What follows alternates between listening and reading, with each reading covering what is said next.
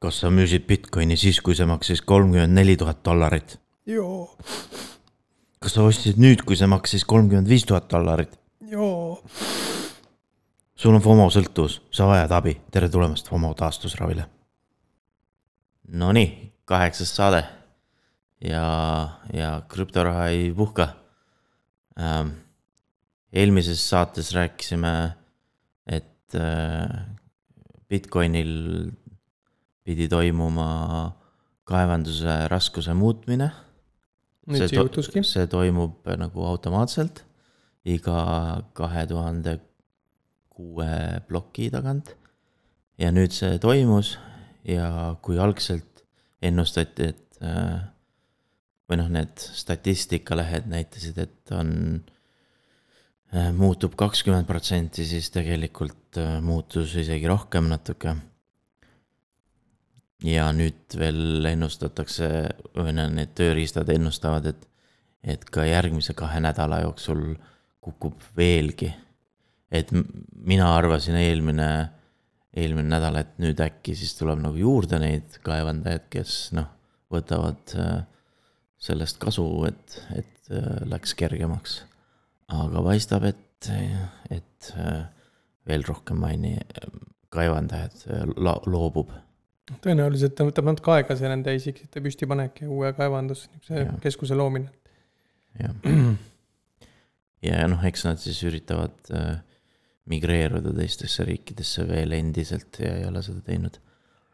aga aga see Ameerika äh, Bitcoin mining council ütles, et, äh, et põhimõtteliselt on nüüd üle poole, vist oli viiskümmend kuus protsenti äh, kaevandusest on nüüd nagu sustainable energy'ga ehk jätkusuutliku energiaga. Läheb roheliseks kogu see asi. jah, aga noh, mõned on skeptilised, et, et see võib olla selline lihtsalt marketing. et seda on raske kontrollida Binance'il on ähm, jälle, jälle probleemid ukse taga, et jah, mis me... neil, mis neil seekord juhtus, sest me oleme nüüd rääkinud nendest mitu korda. jah, just eelmine kord ka rääkisime sellest, et mm, -hmm. et äh, kui eelmine kord oli neil äh, probleeme äh, Ühendkuningriikides, siis nüüd äh, noh, tuleb veel teisi riike välja, kes ütlevad, et aa, nad ei ole meie riigis ka registreeritud ja nüüd oli äh, Cayman Island, kus, kus neil on siis see äh, Binance Group on registreeritud. et see tuli ka ja ütles, et, et neil puudub ka meie riigis äh, vajalikud litsentsid. et siis neid nagu pigistatakse nüüd igalt poolt.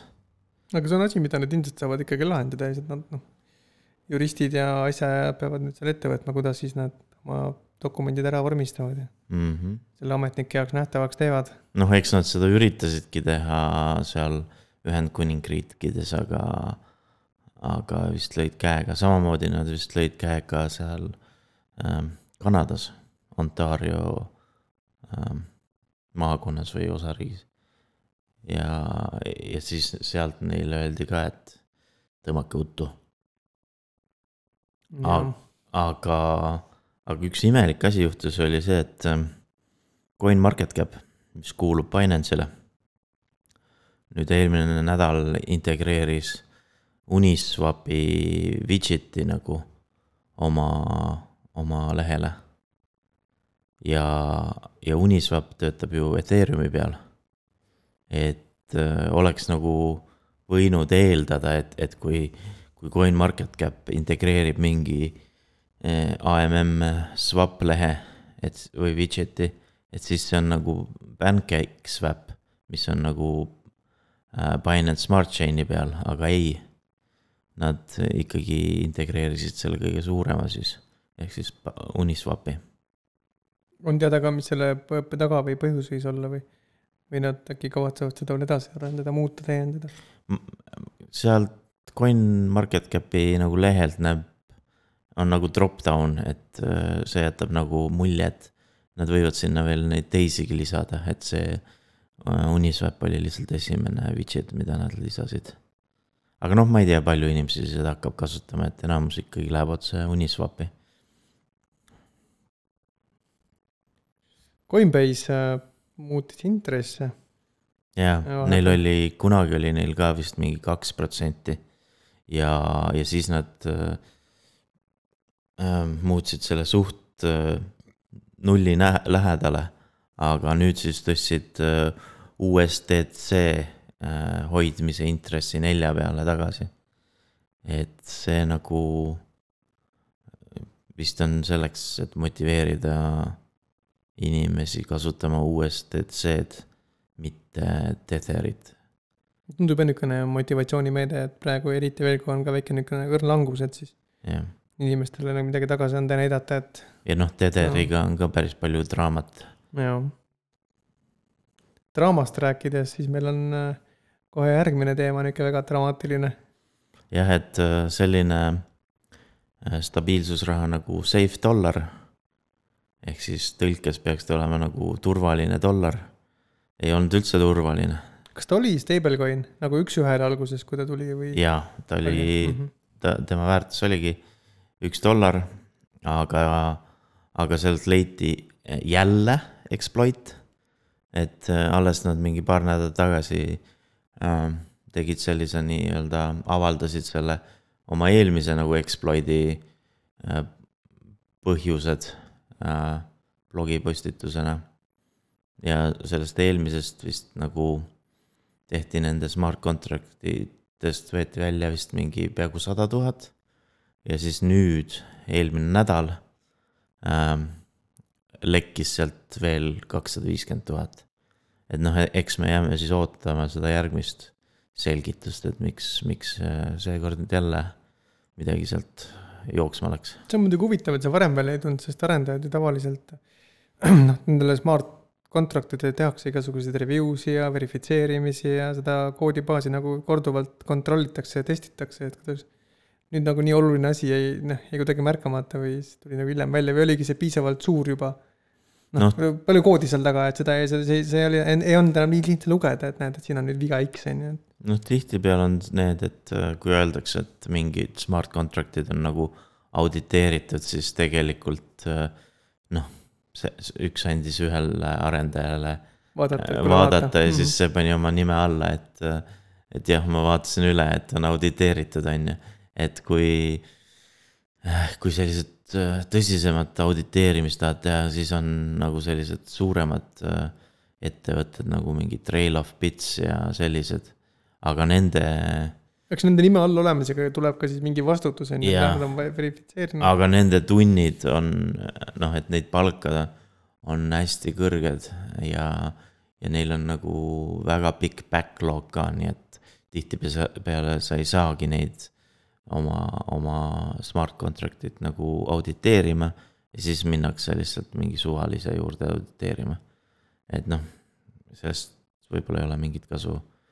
või noh, seda peab uurima, et kes seda nagu auditeeris, et ainult see väide, et, et kood on auditeeritud, ei tähenda tegelikult mitte midagi. jah, ja väga tihti tegelikult ei mainitagi ära, et kes auditeeris, ongi lihtsalt Jah. see, et on audit, et ja, ja sellega piirdub see asi, et tegelikult kunagi ei tea, on ju.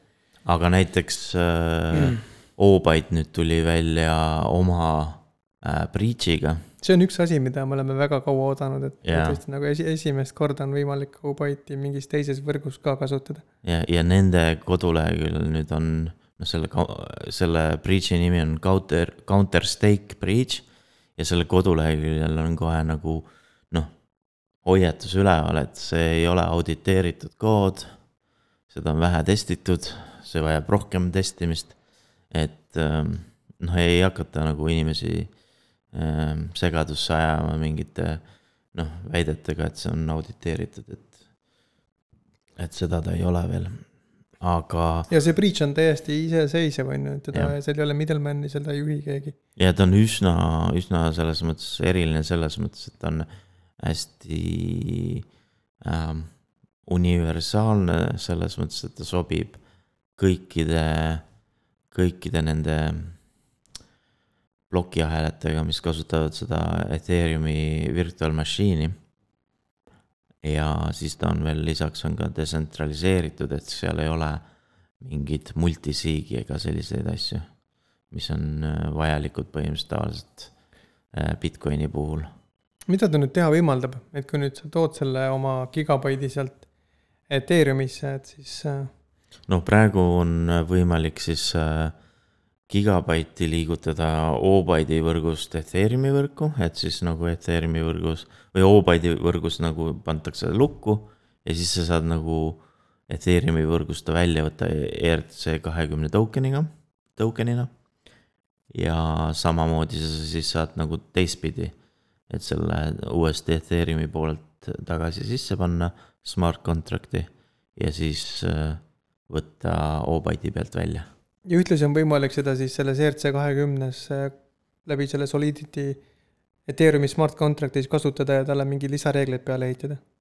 kui selline vajadus on. no põhimõtteliselt igal pool, kus sa saad äh, kasutada ERC kahekümne token eid, saad sa nüüd siis ka kasutada seda gigabaidi nagu mm, -hmm. gigabaidi ERC kahekümne token'it. okei okay.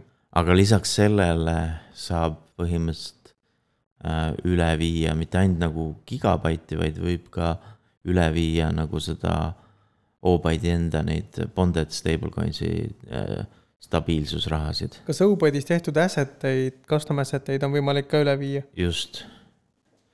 ja, ja lisaks sellele on siis ka breach tehtud äh, O-Byte'i ja Binance Smart Chain'i vahel. ja noh, seal on ainult see BNB äh, token. aga see võib Ja- laieneda tulevikus, kui nüüd Jaa. see mm. -hmm.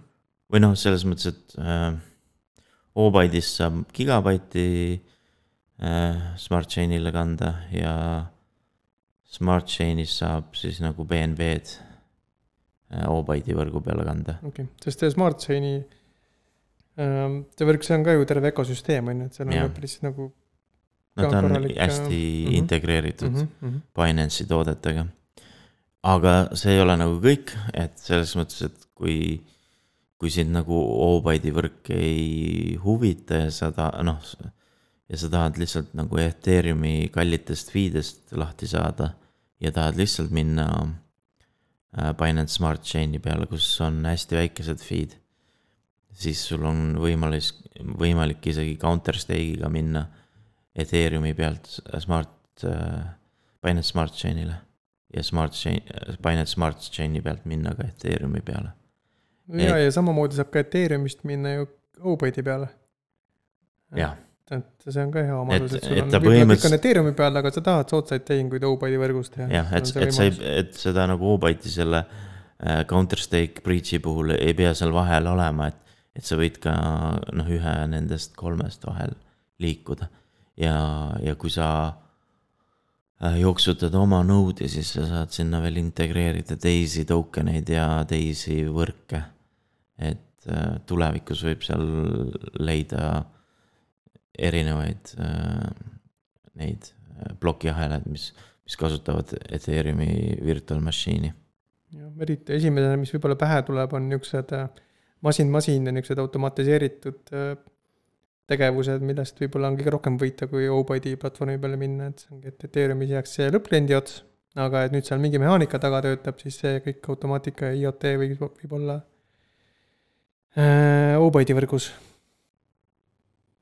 eelmine nädal tuli veel välja uudis, et, et see arendaja, kes äh, jooksutab Bitcoin.org lehekülge, et ta keelas nüüd ligipääsu ähm, Bitcoini white paper'ile ja Bitcoini allalaadimistele äh, Ühendkuningriikides. ja see, seal oli see, mingi copyrighti, mingi autoriõiguste, jah, sest see Greg Wright äh, Austraaliast äh, kaebas äh, selle arendaja kohtusse ja siis ta kompromissina siis nagu nõustus selle white paper'i allalaadimised maha võtta küll aga on ju üks huvitav konks. ja, ja, ja üks põhjus, miks ta ütles, et, et ta on sellega, selle kompromissiga nõus, et oli sellepärast, et see, kui sa tõmbad äh, Bitcoini nagu plokiahela endale arvutisse alla, siis sul on tegelikult see, see white paper olemas juba, sest äh, mõned inimesed äh, aastaid tagasi laadisid selle white paper'i plokiahelisse üles, siis kui see ei maksnud veel väga palju. ta on seal binary's ja tehingute kaupa, et nagu siis spetsiaaltarkvaraga saab sellest ühe terviku PDF-i luua. jah, mõned, äh, mõned Block Explorerid ka näitavad seda datat juba nagu parsituna. aga lisaks sellele on sellest Bitcoini white paper'ist nagu tohutult koopiaid, et isegi Eesti ettevõtted kopeerisid seda oma serveritesse. siis, kui see jama hakkas pihta. ja, ja tegelikult äh, Ühendkuningriikide kasutajad ei ole nagu täiesti nüüd nagu ära blokitud. Äh, et nad saavad ikkagi Bitcoini tarkvara alla laadida Nad lihtsalt peavad seda tegema bitcoincore.org lehelt. Et natuke raskemaks tehtud, aga endiselt. Äh, no ja muidugi, kui sa kasutad VPN-i, siis sa saad ka, ka Bitcoin.org lehelt selle kätte ikkagi. aga et oleks põnevam, me oleme selle lingi, Exploreri ringi, kus see data olemas on ka märkmetesse pannud, et saate märkmetest saab pärast järgi vaadata ja ise tutvuda sellega, kuidas see täpselt on. jah, see on päris huvitavalt lahendatud, et äh, põhimõtteliselt iga output on nagu ähm,, ei olnud nagu mitte päris aadress, kuhu, kuhu Bitcoin saadeti, vaid iga output oli tegelikult, äh, see aadress oli nagu data, vaata. ja kuna seal oli peaaegu mingi tuhat äh, aadressi output ides, siis see moodustaski selle PDF-i. et et, äh, et huvitav, huvitav lahendus, kuidas nagu saab ka Bitcoini sisse infot ära peita. Aga mida tähendab äh, Saksamaa special fund? ma küsisin ühelt, ühelt Saksamaa sõbralt ka seda, et mis kuradi jama teil on seal selle special funds'iga. ja kas see on mingi riiklik asi jaa, see on mingi riiklik asi ja nad eraldavad mingi tohutu summa, äh, nelisada viisteist biljonit vist. miljardit, miljardit siis jah. Äh, krüptoinvesteeringuteks, ehk siis riigil on võimalik kasutada mingi tohutult suur hulk raha äh, krüptoinvesteeringuteks. aga noh, ta ise ütles ka, see saksa sõber, et ta täpselt aru ei saanud mis teema selle krüptofondiga on? võib-olla see on niisugune riiklik marketing nagu meie see e-residentsus. Võib-olla. kui sa oled esimesena olemas ja tegelikult ma usun, et paljud riigid mõtlevad selle peale nagu tõsiselt, et okei okay,, seal on see regulatsioon ja maksundus ja kõik see mm. on problemaatiline, aga keegi ei taha samas ju rongilt maha jääda, et kui see tehnoloogia kasvab, areneb. jah, ja sest äh, sa, sa pead nagu olema selleks valmis, sest Just. et siis juba noh, sa ei taha olla see viimane, kes üritab siis nagu mingeid asju läbi pressida, kui, kui juba kõik teised fomovad. Et no., et nad vähemalt on selle juriidika asja endale juba nüüd korda ajanud. et siis, kui ostmiseks läheb, siis saavad seda teha. nii et siin on vihje Eesti äh, asjapulkadele valitsuses, et niisugustele asjadele tasub tähelepanu pöörata ja, ja. mitte magama jääda. just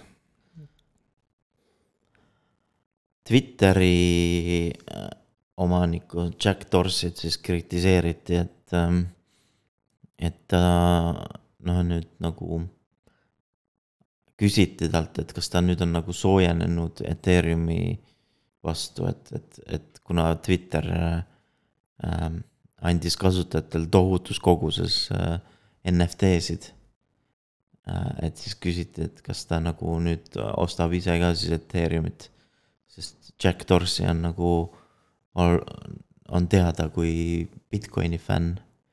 Ja siis Jack Dorsey vastas ei. et äh,. me ei ole teda varem ka vist kajastanud, et tundub, et nüüd tuleb silmad lahti hoida, et sealt äh, hakkab uudiseid tulema. jah, aga huvitav lükke selles mõttes Twitteri poolt, et täpselt aru ei saa, mida nad teevad, et mis mõte sellel NFT-del oli, aga. aga nad tegid selle koostöös äh, Raribliga no mis on üks äh, suhteliselt tuntud ja suur niisugune NFT marketplace praegu, et võib-olla see valik selles mõttes ei olnudki nii vale mm. -hmm. ja,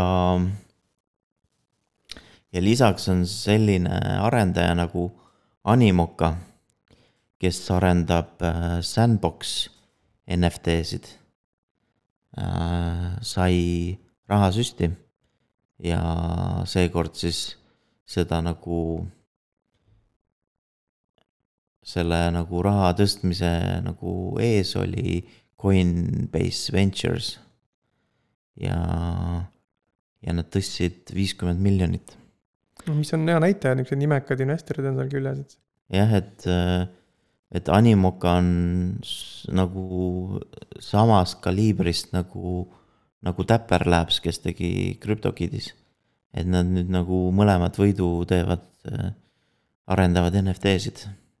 Ja Sandbox on selles mõttes juba, ma ei tea, mitu aastat seda, neid NFT-sid nagu müünud.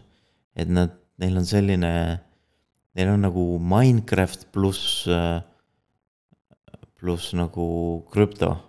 ehk siis, ehk siis nad loovad ühte mängu, kus sa saad osta maad. ma isegi võrdleks võib-olla natuke Robloksiga neid. jah, või Decentraland. on ka niisugune, kus kasutajad ise saavad teha mänge ja need mängud näevad natuke rohkem niisugused äh, noh, nad ei ole võib-olla, vaata kui, kui Minecraft on väga spetsiifiline mm, -hmm. et seal mhm. on see Minecrafti tiim ongi niisugune voksel graafik on ju, et siis Roblox on nagu väga erinev, et seal on kõike, seal on vokselid, seal on 3D-d, seal on noh, mingid oma Robloksi spetsiifilised äh, avatarid ja ja nüüd see sandbox ongi nagu see, need kaks maailma on nagu kokku pandud aga siis krüptos on ju, seal on siis, ja seal on veel huvitav äh, marketplace'i süsteem, kuidas siis kogu seda content'i saab müüa, on ju. Neil on isegi kolm erinevat token'i tüüpi kasutuses. et neil on see tavaline ERC kakskümmend äh, sand token, mis on nagu siis lihtsalt nagu utility token. siis neil on äh, ERC seitsesada kakskümmend üks, mis on nagu siis maatükid. et sa saad osta nagu ühe maatüki või sa võid osta nagu sellise ploki. Mis see maa seal, mis rolli see maa seal selles ökosüsteemis mängib, kas ta on nagu sul mingi osa või mingi mäng? no sa saad sinna maa peale nagu ehitada, aga siis nad on ka lubanud, et kunagi see saab seda maad nagu välja laenata ja nii edasi või renti nagu võtta. okei okay,, ma just mõtlen, kas ta on nagu filosoofiliselt, kas ta on siis mingi space, äh, mis saab, mis hostib sul seda mängu või on, või on ta juba sinu loodud mingisugune mängu siis maa või. Või kas ta, kas selle, kas ta on seotud nagu otseselt selle mängu loogikaga või ta on ikkagi lihtsalt mingisugune virtuaalne space, millel on mingi nimi ja mingi omanik küljes? jah, ta on ikka nagu virtuaalne space. Space on ju, ta ei ole, ta ei ole otseselt selle mänguga seotud, mäng võib olla päris täiesti midagi muud seal peal oma. ja, ja siis ongi see kolmas token, mis on siis see RC üks, üks, viis, viis, äh, mis on siis igasugused sellised äh, objektid või asjad, mis sa saad sinna selle oma maalapi peale panna. Okei okay,, nii et see, sellele maalapile võib tulla mingi mänguloogika, et see ja. mäng iseenesest võibki olla, toimuda siis selle maalapi peal mm. -hmm. kui, mille sa oled ostnud, on ju, aga see, aga see ei piira, ma saan aru seda, et milline see mäng on, et kas see on platvormikas, kas see on 3D. et selle nad hoiavad endiselt vist lahtisena, ma saan aru. jah, põhimõtteliselt saab vist, ma saan nii, ma ei ole ise mänginud või seda demo või beta asja. aga ma saan aru, et see on nagu nagu Minecraft ja siis sa, igaühel on nagu oma mingi maatükk, kuhu ta siis võib ehitada mingeid asju. väga äge ja just see NFT annab selle, et neid tükke saab vahetada, on ju. mis ongi, mida tegelikult oleks nagu kaua oodanud juba ka tavamängudesse, et sul on küll okei okay, Call of Duty, sul on need asset'id, sa oled neid kalli raha eest ostnud ja ja siis sa seal oma selle relva skin'iga mängid, aga sa ei saa sellest, sellest ühest Call of Duty mängust seda teise kanda, et see NFT on, mis toob selle võlu tegelikult mängudesse, et sa võidki mm -hmm. sellesama ägeda relva skin'iga, võib-olla sa mängid hoopis mingis teises mängus, okei okay,, see omadus sellel asjal on teistsugune, aga see skin on seal ikka, see sinu armsaks saanud skin tuleb kaasa, on ju. noh, näiteks. ja eks see Epic Games või Unreal või, või kellele näiteks Counter Strike'id ja asjad kuuluvad, nemad väga ei tahagi, et sa neid skin'e nagu niiviisi treidid kuskil mujal peale nende enda platvormi. et nad on nagu järjest neid sulgenud noh, loodame, et, et selliseid äh, mänge tuleb nagu rohkem, kus, kus saab NFT-sid äh, treidida, et siiamaani noh, neil ei ole see nagu, see sandbox'i platvorm täiesti valmis ja siis nagu siiamaani ongi nagu põhiline tegevus ongi nende maatükkide treidimine olnud. ja nende asjade ehitamine, võib-olla see on ka alguses hea, sest see annab aega ka kunstnikele neid asset'id ette valmistada, sest tohutus koguses vaja luua seal kõiki nagu tegelaskujusid, materjale, puid, loomi, noh, kõike on ju, mida, mida siis hiljem kasutada jah, selles mõttes on huvitav, et praegu on meil ju suvi, et nagunii on igasugune äriline tegevus on väiksem, et aga ometi on neid NFT uudiseid nõnda palju. mis tähendab seda, et sügisel, kui hakkab noh, kui kõik tulevad puhkuselt tagasi ja ärid lähevad käima, siis ma, ma olen enam kui kindel, et siin hakkab noh. Midagi hakkab NFT-del midagi suurt toimuma, et kõik tulevad oma välja, hakkavad lansseerima, reklaamima ja. ja üks selline läbiv teema on siis nagu, nagu see autospordi teema, nagu meil mm. -hmm. mõnes eelmises NASCAR on saates oli. läbi käinud ja siis koma teist ja veel. nüüd tuleb veel ka vorm, vormel üks läbi, et, et Crypto.com oli teinud partnerluse vormel ühega. ja, ja see partnerluse suhe on siis põhimõtteliselt selline, et, et vormel üks saab äh, oma NFT-sid teha Crypto.com-i NFT platvormil ja Crypto.com saab äh, nagu reklaami vormel ühe autode peal. Vrõn-vrõn,